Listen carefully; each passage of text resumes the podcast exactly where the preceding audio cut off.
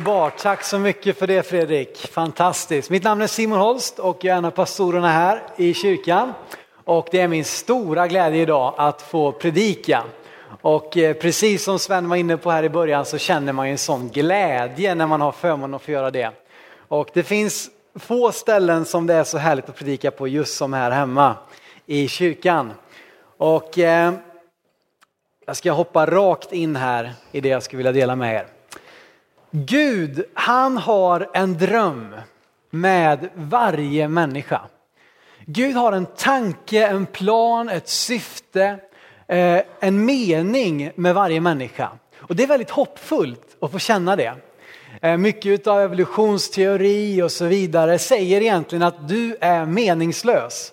Du är en slump. Det finns ingen anledning till att du är här mer än att det liksom har varit en massa celler som har omformats och så vidare. Skulle lika gärna kunna ha varit en örn. Det kanske vissa blir glada för i och för sig att höra det. Men, men, men vad Gud däremot säger och vad Bibelns budskap är att Gud har en plan, en dröm, en tanke med dig och mig och våra liv. Och det blir jag väldigt glad för att få veta det. Men sen är det också så att bara för att han har en dröm så betyder inte det att det automatiskt blir så. Eh, det betyder inte att eh, vi inte behöver göra någonting för att på något sätt få vandra i hans vilja. Utan jag tror att vi genom livet kan utstå olika prövningar eller karaktärstest eh, som vi behöver liksom passera eller klara av för att fullt ut kunna kliva in i det som Gud har tänkt för våra liv. Att det finns saker vi stöter på genom livet som vi behöver hantera, som vi behöver ta itu med för att kunna liksom bana väg att kliva in i Guds vilja och Guds tanke och hans plan. Och en stark karaktär, det är det som byggs när vi utstår prövning, att vi bygger karaktär, vi blir starkare, vi blir stadigare, stabilare, lägger grunden också för en stark tjänst inför Gud, att få använda honom på ett härligt sätt. Och en person som man kan se detta på på ett väldigt tydligt sätt är Josef i Gamla Testamentet. Och vi kan hitta berättelsen om eh, Josef i första Moseboken, kapitel 37 ända fram till 50. Det är faktiskt en av de personerna i Bibeln som liksom har längst story om sig själv i Bibeln. Hela 13 långa välfyllda kapitel som handlar om Josef och hans liv. Och han är ett väldigt bra exempel på det jag vill få fram här idag. Att Gud hade Josef fick tidigt del av Guds dröm för hans liv. Men sen var det en rad olika prövningar, tester och svåra saker, hinder på vägen innan han klev in i det som Gud hade tänkt för honom. För dig som inte känner till Josef så tänkte jag bara dra en kort resumé här. Vi ska inte läsa de här 13 kapitlen utan du får, du får liksom hålla till godo här med, min, med mitt eh, ganska snabba referat här. Som sagt så var Josef den, den elfte brodern i en, en brödraskara av tolv. Han var pappas favoritson. Eh, och detta retade ju gallfeber på de andra sönerna som dessutom hade en annan mor. Jakob hade ju två fruar och två bihustrur. Eh, och eh, Josef var då Rakels son eh, och därför var han, hade han en speciell plats i Jakobs hjärta. Och tidigt så blev han lite särbehandlad, han fick finast kläder, han liksom, ja, blev lite ja, mammas liksom, eller pappas lilla gullepojke där. Och tidigt fick han en dröm där han såg, eh, två stycken drömmar, där han såg eh, Eh, sig själv, alltså att hans bröder och hans, till och med hans far och mor kom och böjde knä inför honom på två olika liknelser, med, en med stjärnor och en med kärva, vi ska inte gå in på det. Eh, och du vet att säga det då som liksom elfte brodern i en brödraskara av tolv, att ni ska en dag komma och böja knä för mig. Det är inte så smart taktik. Ni som är liksom minste lillebrodern här, ni vet att man ska helst hålla liksom lite låg profil. Eh, för annars så kan man lätt åka på lite däng. Va? Josef han var inte så klok alltid, så han sa ju detta högt och tydligt. Och detta bara spädde på det här ilskan som fanns hos bröderna. Och det ledde till att de faktiskt med berått mod sålde sin egen bror till slavhandlare från, som var på väg till Egypten. Att tänk dig den, tänk, stanna här vid den här, vid den här sekvensen. Att du, jag vet inte om du har syskon, men eh, du som har syskon, tänk dig att dina syskon med berått mod, de är fullständigt medvetna om vad de gör, säljer dig för att bli slav i ett annat land. Och dessutom så tar de din, din, dina kläder, river sönder dem, blodar ner dem och säger till din pappa att han måste ha blivit riven av ett vilddjur. Vi hittar den här ute i ödemarken. Sånt kallsinnigt, fruktansvärt dåd som de gjorde mot sin bror. Josef måste ju känt att de här drömmarna han hade var väldigt långt borta. Och han kommer då till, till Potifar, en, en förnäm man i Egypten och blir en tjänare eller en slav i hans hushåll. Och snabbt så, så vinner Josef förtroende och blir liksom satt över alla andra tjänare och är i stort sett Potifars högra hand. Och allting, det verkar som att det går uppåt igen. Men då kommer ytterligare ett, ett bakslag. Eh, Potifars fru, jag brukar kalla henne för Putimor, hon, eh, hon lurar och, och vill, hon vill ha Josef men han vill inte liksom förnedra sin herre genom att ha en sexuell relation med henne. Så det slutar med att han anklagar, hon anklagar honom för att ha våldtagit henne och han slängs i fängelse. Än en gång, ett sånt här bara här uppifrån ner hit igen. I fängelset så likadant där får han snabbt favör och blir satt, eh, liksom, får välja och får goda liksom, uppgifter och sådär. Eh, och han tyder två viktiga personers drömmar och lite senare så leder detta också till att när farao, den mäktigaste mannen i världen, hade en dröm som han inte kunde tyda. Så var det en som hade suttit i fängelse med Josef som fått sin dröm tydd av honom. Som sa till farao, jag känner en som kanske kan tyda din dröm. Ingen av faraos liksom välbetalda spåmän och stjärntydare och allt vad det var kunde förklara. Men de sände efter Josef i fängelset och på över en natt så gick han från att sitta i fängelse, liksom det lägsta av det lägsta, till att tyda faraos dröm.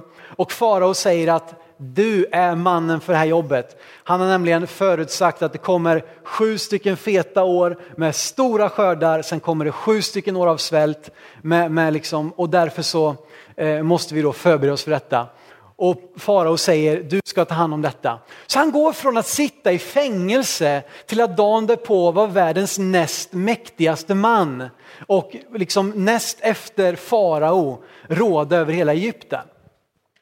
Och det här, lyder, eh, det här svälten som kommer leder till att han får återse sina bröder. För det är också svält i Israel, eh, där ju hans bröder befann sig. Så att de har hört dock att i Egypten, där har man varit lite smart och lagt undan, så där finns det mat. Så de tar sina pengar och reser på den här långa resan till Josef och där så återförenas Josef med sina bröder. Eh, de här bröderna som med berått mod sålde honom och sa till hans far att han hade blivit mördad eller ihjälriven av ett rovdjur. Josef väljer att hjälpa dem, hela familjen flyttar till Egypten eh, och de får liksom eh, Jakob då som har levt med tron att han var död får då återse sin älskade son. Josef får lära känna sin yngsta son Benjamin och det, det är en härligt slut på den här storyn. Och ni ser här redan då hur Josef fick utstå en massa olika prövningar, test, innan han klev in i Guds dröm för honom. Men ett test som han också fick utstå, som vi ska se här lite längre fram, är det testet som uppstår när hans far Jakob dör. Alltså på den här tiden så var ju inte bara pappan, alltså idag så kan vi ju ha lite som barn, man kan ju säga nästan vad man vill, eller vad man vill, det får man kanske inte, men man gör det till sina föräldrar. Men här så fanns det en oerhörd respekt för fadern. Ehm, och så dör då Jakob, som ju, vi känner ju till honom som Abraham, Isaks och Jakobs Gud. Han var ju en av patriarkerna, en av de viktigaste förbundsfäderna eh, som, som vi har i Bibeln så dör han. Vi ska läsa vad som händer då i första Mosebok 50, eh, vers 15 till 21 där vi just ska hitta det, det testet som jag skulle vilja prata lite med er om idag. Första Mosebok 50, vers 15 till 21. Och där står det så här. När Josefs bröder såg att deras far var död sa de Tänk om Josef börjar hata oss och låter allt det onda vi gjort mot honom komma över oss. Därför sände de detta bud till Josef. Din far sa till oss före sin död, så ska ni säga till Josef. Vi ber dig, förlåt dina bröder vad de har brutit och syndat genom att handla så illa mot dig. Så förlåt nu den synd som din fars Guds tjänare har begått. Och Josef grät när han fick deras hälsning. Vi läser vidare, vers 19 eller 18. Sedan kom också hans bröder och föll ner för honom och sa, vi är dina slavar. Men Josef sa till dem, var inte rädda. Håller ni mig för Gud? Ni tänkte ont mot mig, men Gud har tänkt er till godo genom det som nu har skett för att bevara många människors liv. Var inte rädda, jag ska sörja för er och era små barn. Och han tröstade dem och talade vänligt till dem. Ganska strongt här av Josef. Och faktum är att i de här verserna så är det första gången ordet förlåt dyker upp. I de första 49 kapitlen så finns inte ordet förlåt, men här nu så kommer det in första gången, förlåt dina bröder. Och det är det testet som Josef nu utstår. Testet att förlåta de som har gjort något så fruktansvärt emot dig. Och det är någonting som jag skulle vilja tala om och det är titeln på min predikan idag, förlåt. Och att förlåta handlar om att frikänna helt och fullt. Att avstå från ett rättmätigt straff. Det är någon som förtjänar ett straff. Det är någon som förtjänar att bli straffad för det de har gjort, men man avstår ifrån det. Jag frikänner inte bara lite grann utan helt och fullt. Och det hebreiska grundordets betydelse är också att lyfta upp, att bära. Alltså att man lyfter av skulden ifrån en människa. Man tar på sig den skulden och liksom tar bort den. Och det var ju det som Jesus gjorde och då blir det väldigt tydligt att Jesus han lyfte upp vår synd. Han lyfte upp våra snedsteg så att vi kunde få förlåtelse. Och på samma sätt då så är detta en uppmaning till oss. Att förlåta. Och om vi inte kan förlåta, om vi lever livet med oförlåtelse så kommer vi inte fullt ut kunna leva ut Guds dröm för våra liv. Vi ska titta lite på de här verserna igen som vi läste. Först vers 15 här nu då. Pappan dör, Jakob, och Josefs bröder blir rädda. Tänk om Josef, denne mäktige man. Tänk om han kommer att börja hata oss, straffa oss för det de har gjort. De vet att de förtjänar ett straff. De är mycket medvetna om att de har gjort fel. Ehm, och så blir de rädda då och så börjar de koka ihop den här som jag vill påstå är en lögn. Ehm, och eh, i vers 16 så kan vi se sen att rädda som de är Ehm, så sänder de en budbärare. De vågar inte ens gå själva till Josef utan de sänder en budbärare. Och så säger de så här, din far sa till oss före sin död. Och Problemet är att vi har ungefär två kapitel innan det här händer som handlar om vad Jakob sa före sin död. Och det står ingenting om att han sa, säg till Josef det här. Utan jag tror att bröderna av rädsla kokar ihop en lögn och de lägger den i sina fars mun för de vet att Josef respekterar pappa. Om vi säger att det var han som sa det och dessutom att man säger att han sa det före sin död, det här är hans sista önskan. Det är hans, liksom hans önskan på dödsbädden att du ska förlåta oss. Liksom, vi kan se hur de har suttit och kokat ihop det här tillsammans. Och så står det vidare sen då i vers 17 Eh, eller i, i, eh, jag ska säga det också vers 16, i många översättningar står det att min, eller vår far befallde oss. Det står i väldigt många översättningar och inte minst de mer så här exakta översättningar som Åkessons och King James. Det står att din far befallde. Så inte bara att han sa det utan befallde det. Vers 17, läs vidare. Eh, och de talar som far och likadant så står det i många översättningar då att det är far som säger, inte så ska ni, eh, eh, jo att vi ber dig, utan då är det att jag, alltså jag som är Jakob ber dig. Förlåt dina bröder vad de har brutit och syndat. Um, och dessutom då så slänger de in det här, din fars Guds tjänare, släng in Gud där också. Säg att det, det är Guds tjänare, du kan, inte, du kan inte liksom eh, krångla med Gud här. Så man kan se hur de har bara lagt in, vi säger att det är pappa, att han befallde det, att det var hans dödsönskan. Och släng in Gud också, det är bra, han har respekt för Gud. Då kommer han inte kunna göra någonting annat. Och det som då händer här, och sen så, då, så står det ju att han grät. Och varför grät Josef? Jag vet inte. Eh, om han var liksom ledsen för att de, eh, ja, vad de, vad de säger, han är ledsen för sin pappa, vad det nu är, det vet jag inte, men det står att han grät. Och då leder det fram, jag tror att de kände, okej okay, han grät, han började liksom inte skrika och gorma och sände liksom dödshot här. Eh, utan då kommer de då, bröderna, och faller ner för honom och säger, vi är dina slavar. Jo, det är liksom, det är en självklarhet. Allt, att ni är här överhuvudtaget har att göra med att Josef har visat er barmhärtighet. De, det, det, liksom, det, finns ingen, det finns ingen omvändelse här, att vi har, förlåt oss vad vi har gjort fel. Utan man, du vet, det finns ingen sann omvändelse i det här. Och Josef då säger, var inte rädda, håller ni mig för Gud?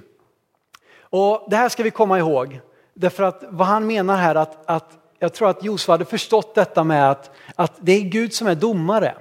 Eh, Gud är liksom, hans är hämnden, jag lägger mig inte i det där. Och vi ska komma tillbaka till det lite senare. Håller ni mig för Gud så att jag skulle hämnas och ge er straffet som ni förtjänar? Nej, nej, nej. Var lugna, var inte rädda. Och sen då det här härliga med att Josef faktiskt kan se bortom sin bitterhet, bortom oförlåtelsen och se hur Gud faktiskt har använt detta till att bli till välsignelse för många. Eh, och att det också slutar med att det är han som tröstar dem och talar vänligt till dem. Och förmodligen så, ja, det, det, det är så otroligt starkt detta som Josef gör. Att han förlåter dem så helt och fullt. Dessa män som hade liksom sålt honom som slav, som dessutom ljuger för honom, ljuger för hans far, som har gjort all denna oförrätt mot honom och dessutom nu inte själva säger att vi, vi ber om förlåtelse. Nej, utan de, de lägger det i pappas mun och så vidare, men ändå så gör han det. Och han klarade av det här testet att förlåta. Och jag är säker på att han hade gjort det många år tidigare. Det dröjde säkert länge, kanske inte ens under hela Potifar-tiden att han kunde förlåta. Kanske att det var någon gång under fängelsetiden som han på allvar, på djupet förlät sina bröder, vad vet jag. Men han hade klarat det här testet. Och när det kommer till förlåtelse skulle jag vilja ge er bara tre stycken ord som kan vara en hjälp för er. För det första skulle jag vilja säga lösgör. Eh, och eh, vad, vad, menar du med detta? Jag ska förklara lite mer här. För många gånger är det ju svårt att förlåta. Det ska vi inte liksom sticka under stol med.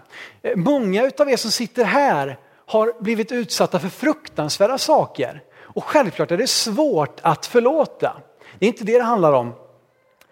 Och hur kan man då förlåta någon som ljuger, som manipulerar och aldrig uppriktigt egentligen ber om förlåtelse? Det var det som Josef stod inför. Eh, och det som är prövningen att förlåta. Men faktum är att när vi inte förlåter så tar vi Guds plats. Vi säger att, eh, att jag kan ta hand om det här Gud. Jag, jag tar hand om hämnden, om rättvisan. Vi ska läsa ett par bibelord ifrån tredje Mosebok 19 och vers 18. Och eh, ser detta med att, att det är Guds sak att skipa rättvisa, det är Guds sak att hämnas. Att, att liksom ställa människor eh, till svars. Det står så här, tredje Mosebok 19.18. Du ska inte hämnas och inte hysa agg mot någon av ditt folk, utan du ska älska din nästa som dig själv. Jag är Herren. Det är jag som är Herren. Det är jag som har kontroll över den här situationen. Det är min sak att göra rätt eller fel. Och likadant kan vi läsa lite längre fram i Romarbrevet 12 och vers 19. Jag ska läsa ifrån levande bibelns översättning. Ser vi också ytterligare detta och där står det så här att kära vänner, hämnas aldrig. Lämna det åt Gud, för han har sagt att det är hans sak att göra. Ta därför inte lagen i egna händer. Jag ska läsa sista bibeln också från Lukas 6 och 37, bara för att förstärka det här. Och här är Jesus själv som talar. Och då säger han så här, döm inte och ni ska inte bli dömda, fördöm inte och ni ska inte bli fördömda, förlåt och ni ska bli förlåtna. När vi inte förlåter så dömer vi. Vi säger, jag har liksom rätten på min sida, jag ska skipa rättvisa. Och problemet är att vi kan inte skipa rättvisa därför att vi är inte fullt ut rättvisa. Vi är rättfärdiga genom Jesus, men det är en annan sak att vara rättfärdig och vara rättvis. Det är bara Gud som fullt ut är rättvis. Det är bara Gud som kan vara domaren. Det är bara han som kan då eh, ja, se till att det, att det blir 100% rättvisa. Och när vi lever våra liv med oförlåtelse så, så bidrar det till så mycket negativt. Det bidrar ofta till att, man, att vi går och liksom jämför oss med andra och vi ser väldigt mycket lättare människors fel.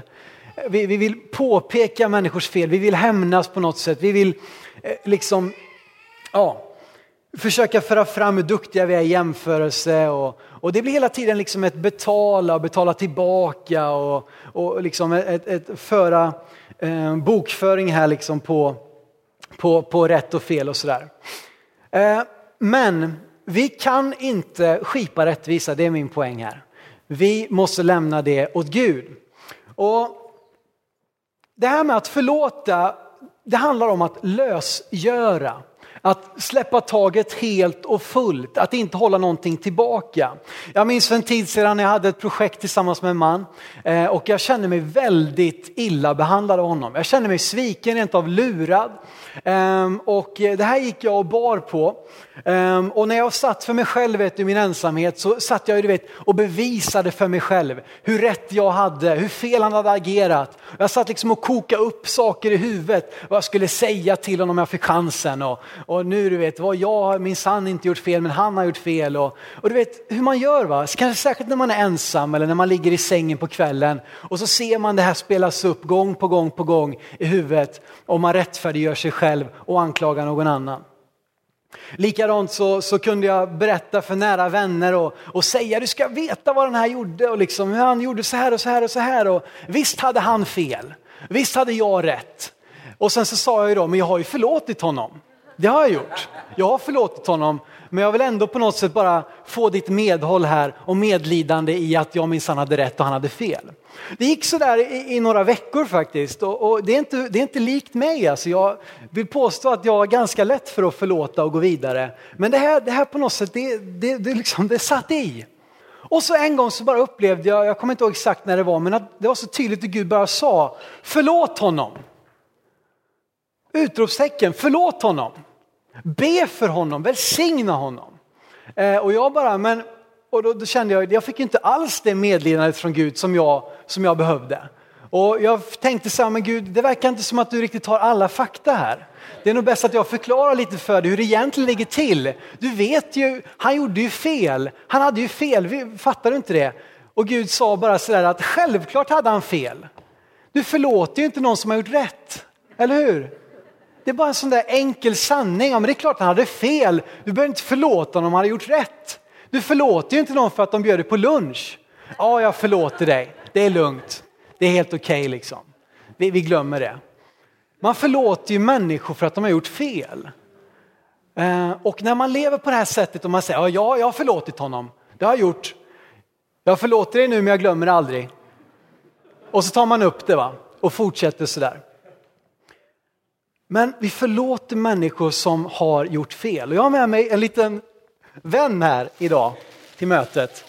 Och eh, här har vi Pluto. Skratta inte nu här, för det här är, det här är en äkta Disney World Pluto. Köpt på den riktiga parken i Florida minsann. Så här va, come on Pluto, Pluto, come on. Och så är man ute och går så här va.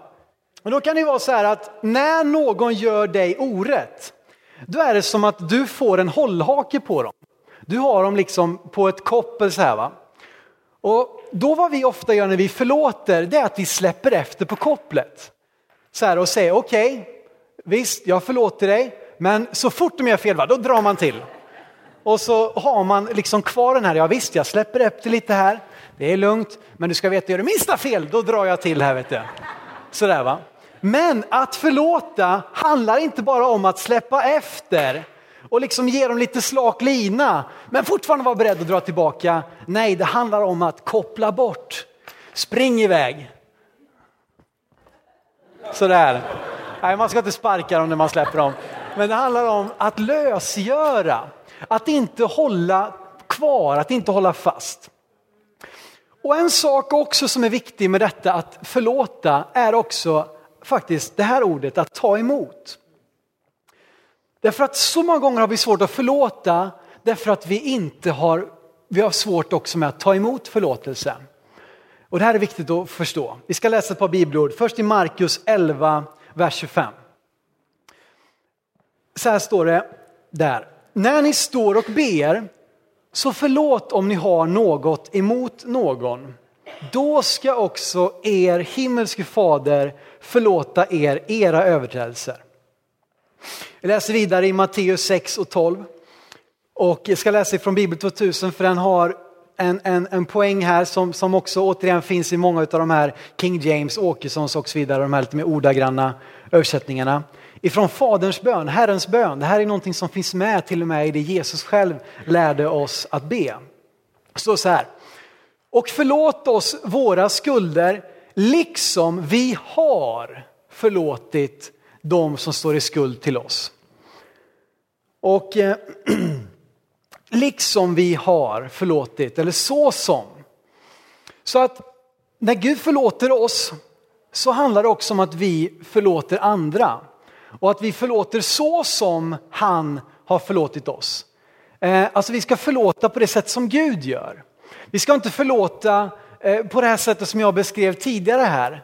Det är ett väldigt mänskligt sätt att förlåta där man ändå liksom man, man tar den där grejen och så lägger man i ett kassaskåp och så har man, jag har min sann en grej här. Så gör han minsta fel, då ska jag ta fram det ska du se och ska jag sätta dit honom. Men för nu får han springa fritt. Och när vi har det där förhållningssättet så blir det också väldigt fel. För då tror vi också att det är på samma sätt med Gud. Att han förlåter men han håller oss i ett stramt koppel så att han är beredd att dra till. Men att förlåta andra handlar om att ta emot förlåtelse. Gud, han förlåter oss fritt och för intet. Han förlåter oss gång på gång på gång. Han håller ingenting tillbaka. Och på samma sätt ska vi förlåta människor som gjort oss fel. Om du fortsätter att ta upp någonting gång på gång så har du inte förlåtit. Det är en ganska bra tumregel. Om du, eh, det självklart man, kan man prata om saker som har hänt. Men om du gång på gång tar upp, jag har den där, du ska veta vad han gjorde för mig och jag visste jag har förlåtit honom, du ska veta vad han gjorde för mig, mot mig. Eh, då har du inte förlåtit så som Gud förlåter och det är så vi ska förlåta. Så som Gud. Och som sagt, har du problem med att förlåta andra handlar det med stor sannolikhet om att du har problem med att ta emot förlåtelse. Om du på något sätt känner att du måste förtjäna eller betala för förlåtelse så kommer du också att kräva andra på betalning för din förlåtelse. Vi lever med en slå mig mentalitet. Jag ska förklara vad jag, vad jag menar med det. Jag berättar det här exemplet för några predikningar sen men jag tycker det passar så bra här så jag ska ta det. Och det var så, när jag gick i grundskolan så hade jag en god vän som hette Karl Alm, han var ett år äldre än mig. Eh, vi var grabbar, vet ni. Vi, vi liksom satt med förstoringsglas och brände myror och vi pallade äpplen och vi gjorde alla möjliga såna grejer som killar gör i den här åldern. Va? Och bland annat då så slogs vi lite grann, så här. men det var ju på skoj. Va?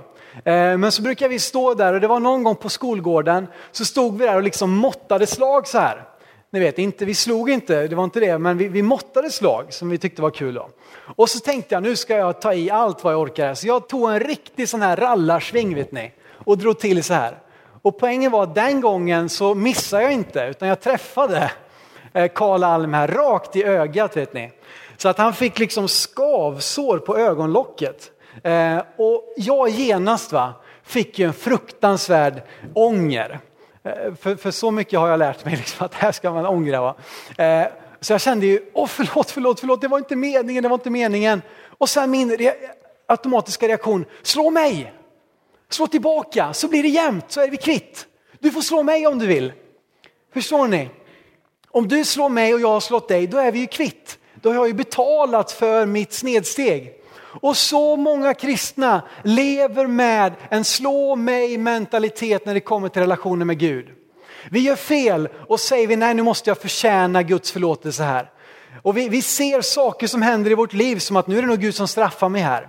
Jag slarvade med bibelläsningen i morse, nu fick jag, fick jag punktering. Det, det är bra Gud, jag tar den.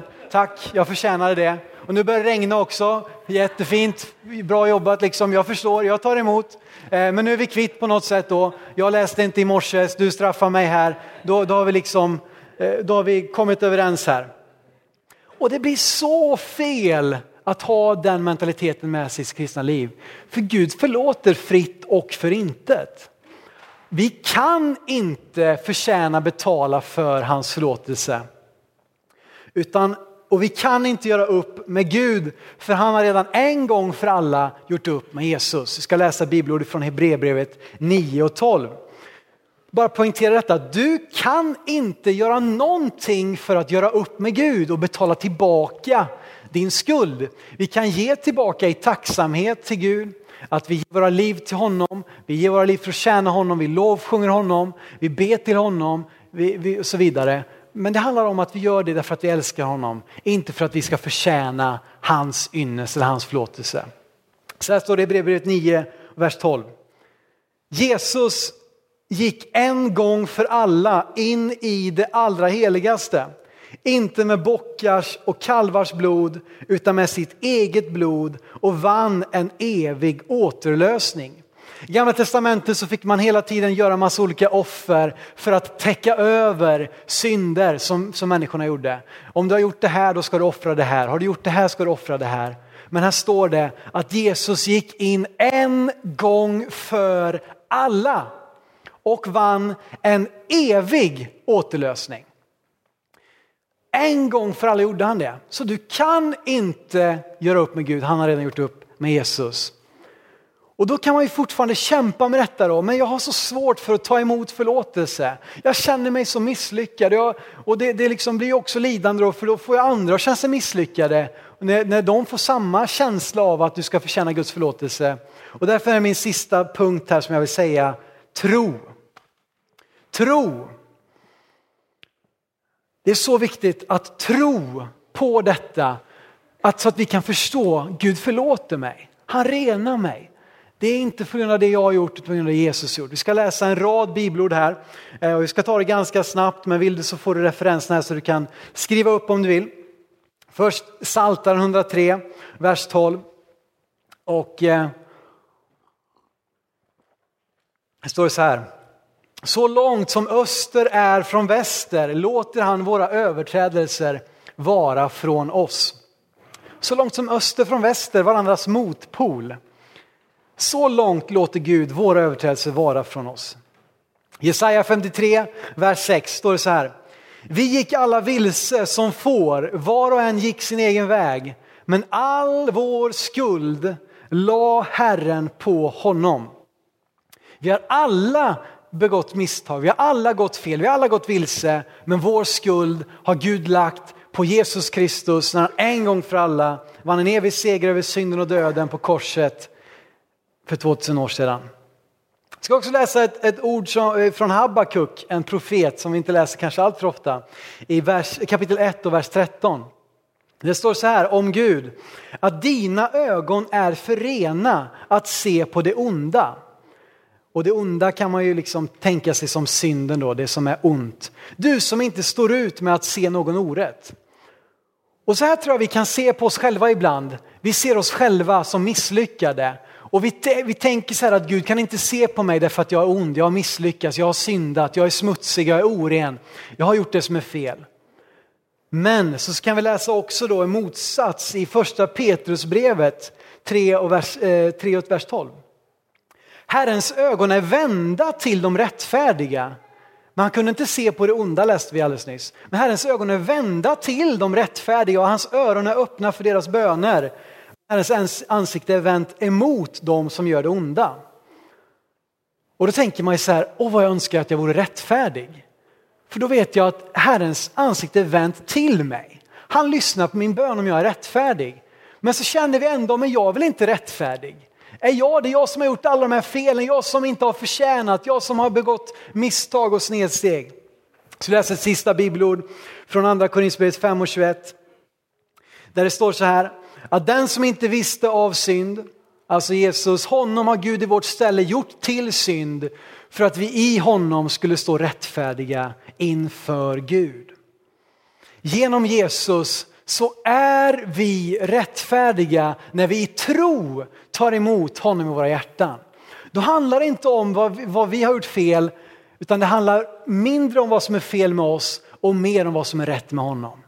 Genom Jesus är du rättfärdig och därför kan Gud se på dig. Och inte bara se på dig, men han kan tala med dig. Han kan gå med dig. Han kan lägga sin arm om dig. Han kan leda dig genom livets svårigheter därför att du är rättfärdig. Och när vi då har fått så mycket förlåtet så ska vi också förlåta andra. Om du håller fast i bitterhet och oförlåtelse så kommer det att förstöra ditt liv.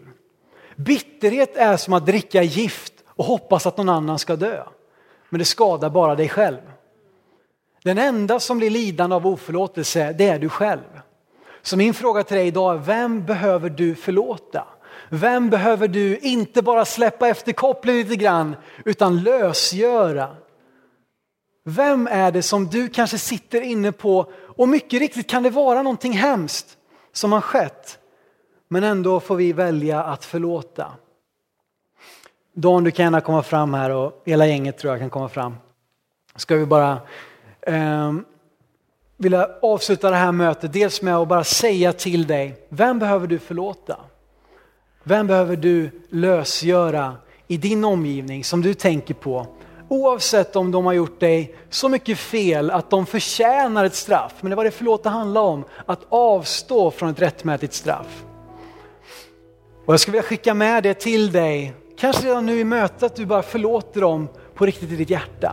Kanske att det är någon du ska gå fram till här i kyrkan och prata med och säga förlåt.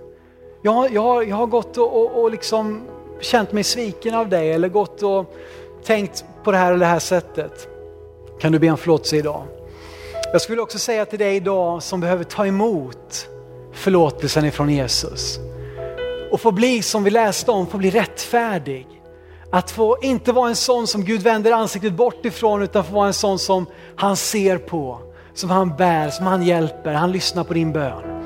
Och det kan endast ske genom att vi i tro tar emot Jesus som Herre i våra liv. Jag skulle vilja be er alla att stå upp en liten stund här. Vi har suttit ner en bra stund. Ska vi stå, vi bara behåller lugnet här inne. Prata inte med, med de som du har runt omkring dig just nu, utan vi behåller lugnet. Och skulle jag vilja vända mig till dig. Och du kan också blunda bara för att det blir enklare att koncentrera sig. Enklare att tänka på dig och Gud. Eh, och så vill jag bara ta någon minut här och säga till dig nu idag, som ännu inte tagit emot Guds förlåtelse på allvar. Kanske att du har gått i kyrkan en tid, men du har inte på riktigt liksom förstått eller tagit emot i tro hans förlåtelse. Då är det ditt tillfälle just nu. Det är din stund just nu att få ta emot hans förlåtelse. Och medan alla här inne blundar Eh, och inte titta sig runt omkring av respekt för din granne och de som är runt omkring dig, så vill jag alldeles strax ge dig möjlighet. Jag kommer räkna till tre och när jag kommer till tre så får du möjlighet att genom göra ett, ett steg i tro och lyfta din hand. Så ska vi be tillsammans med dig. Om du är här som vill säga Jesus, förlåt mig. Jag vill ta emot dig. Jag vill i tro öppna mitt hjärta för dig. Och kanske att du som sagt redan som varit i kyrkan men inte på riktigt förstått vad hans förlåtelse innebär, då är detta också till dig. Så när jag har räknat till tre så får du bara räcka upp din hand om du vill ta emot hans förlåtelse i tro på Jesus och få det rätt ställt med Gud och få en, en bra kontakt med honom, få ett löfte om att en gång få komma till himmelen, spendera evigheten med honom. Ett, gör din hand redo. Två, tre, bara lyft din hand där du står. Gud välsigne dig och dig och dig. Det är många som lyfter sina händer. Gud välsigne dig, Gud välsigne dig. Gud välsigne dig. Flera stycken där inne som lyfter sina händer. Finns det någon mer så kan du bara lyfta din hand där du står just nu. Amen, du kan ta ner din hand du som lyfter den. Ska vi be tillsammans nu? Och så får du ta emot förlåtelse 100 procent.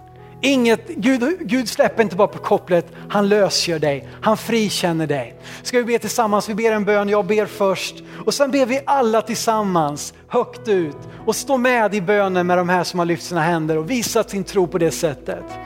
Kära Jesus, tack för det du gjort för mig. Tack att du dog för mig. Att du dog på korset för mig. Jag tar emot din förlåtelse i tro på dig. Förlåt mig Från den här dagen vill jag följa dig. Jag vill att du ska vara min bäste vän. Och jag vill att du ska vara Herre i mitt liv. Tack att du förlåter mig. Helt och fullt. Amen. Amen. Vi ska avsluta det här mötet med att bara få sjunga någonting till, till Gud. Och jag kommer också öppna upp just nu för förbön. Om du finns här som vill ha hjälp i bön så kommer våra förebedjare fram nu med en gång. Ni kan bara lämna era platser ni som är förebedjare. Ta platser fram på de främsta bänkarna. Så vill vi be för dig oavsett vad ditt behov är.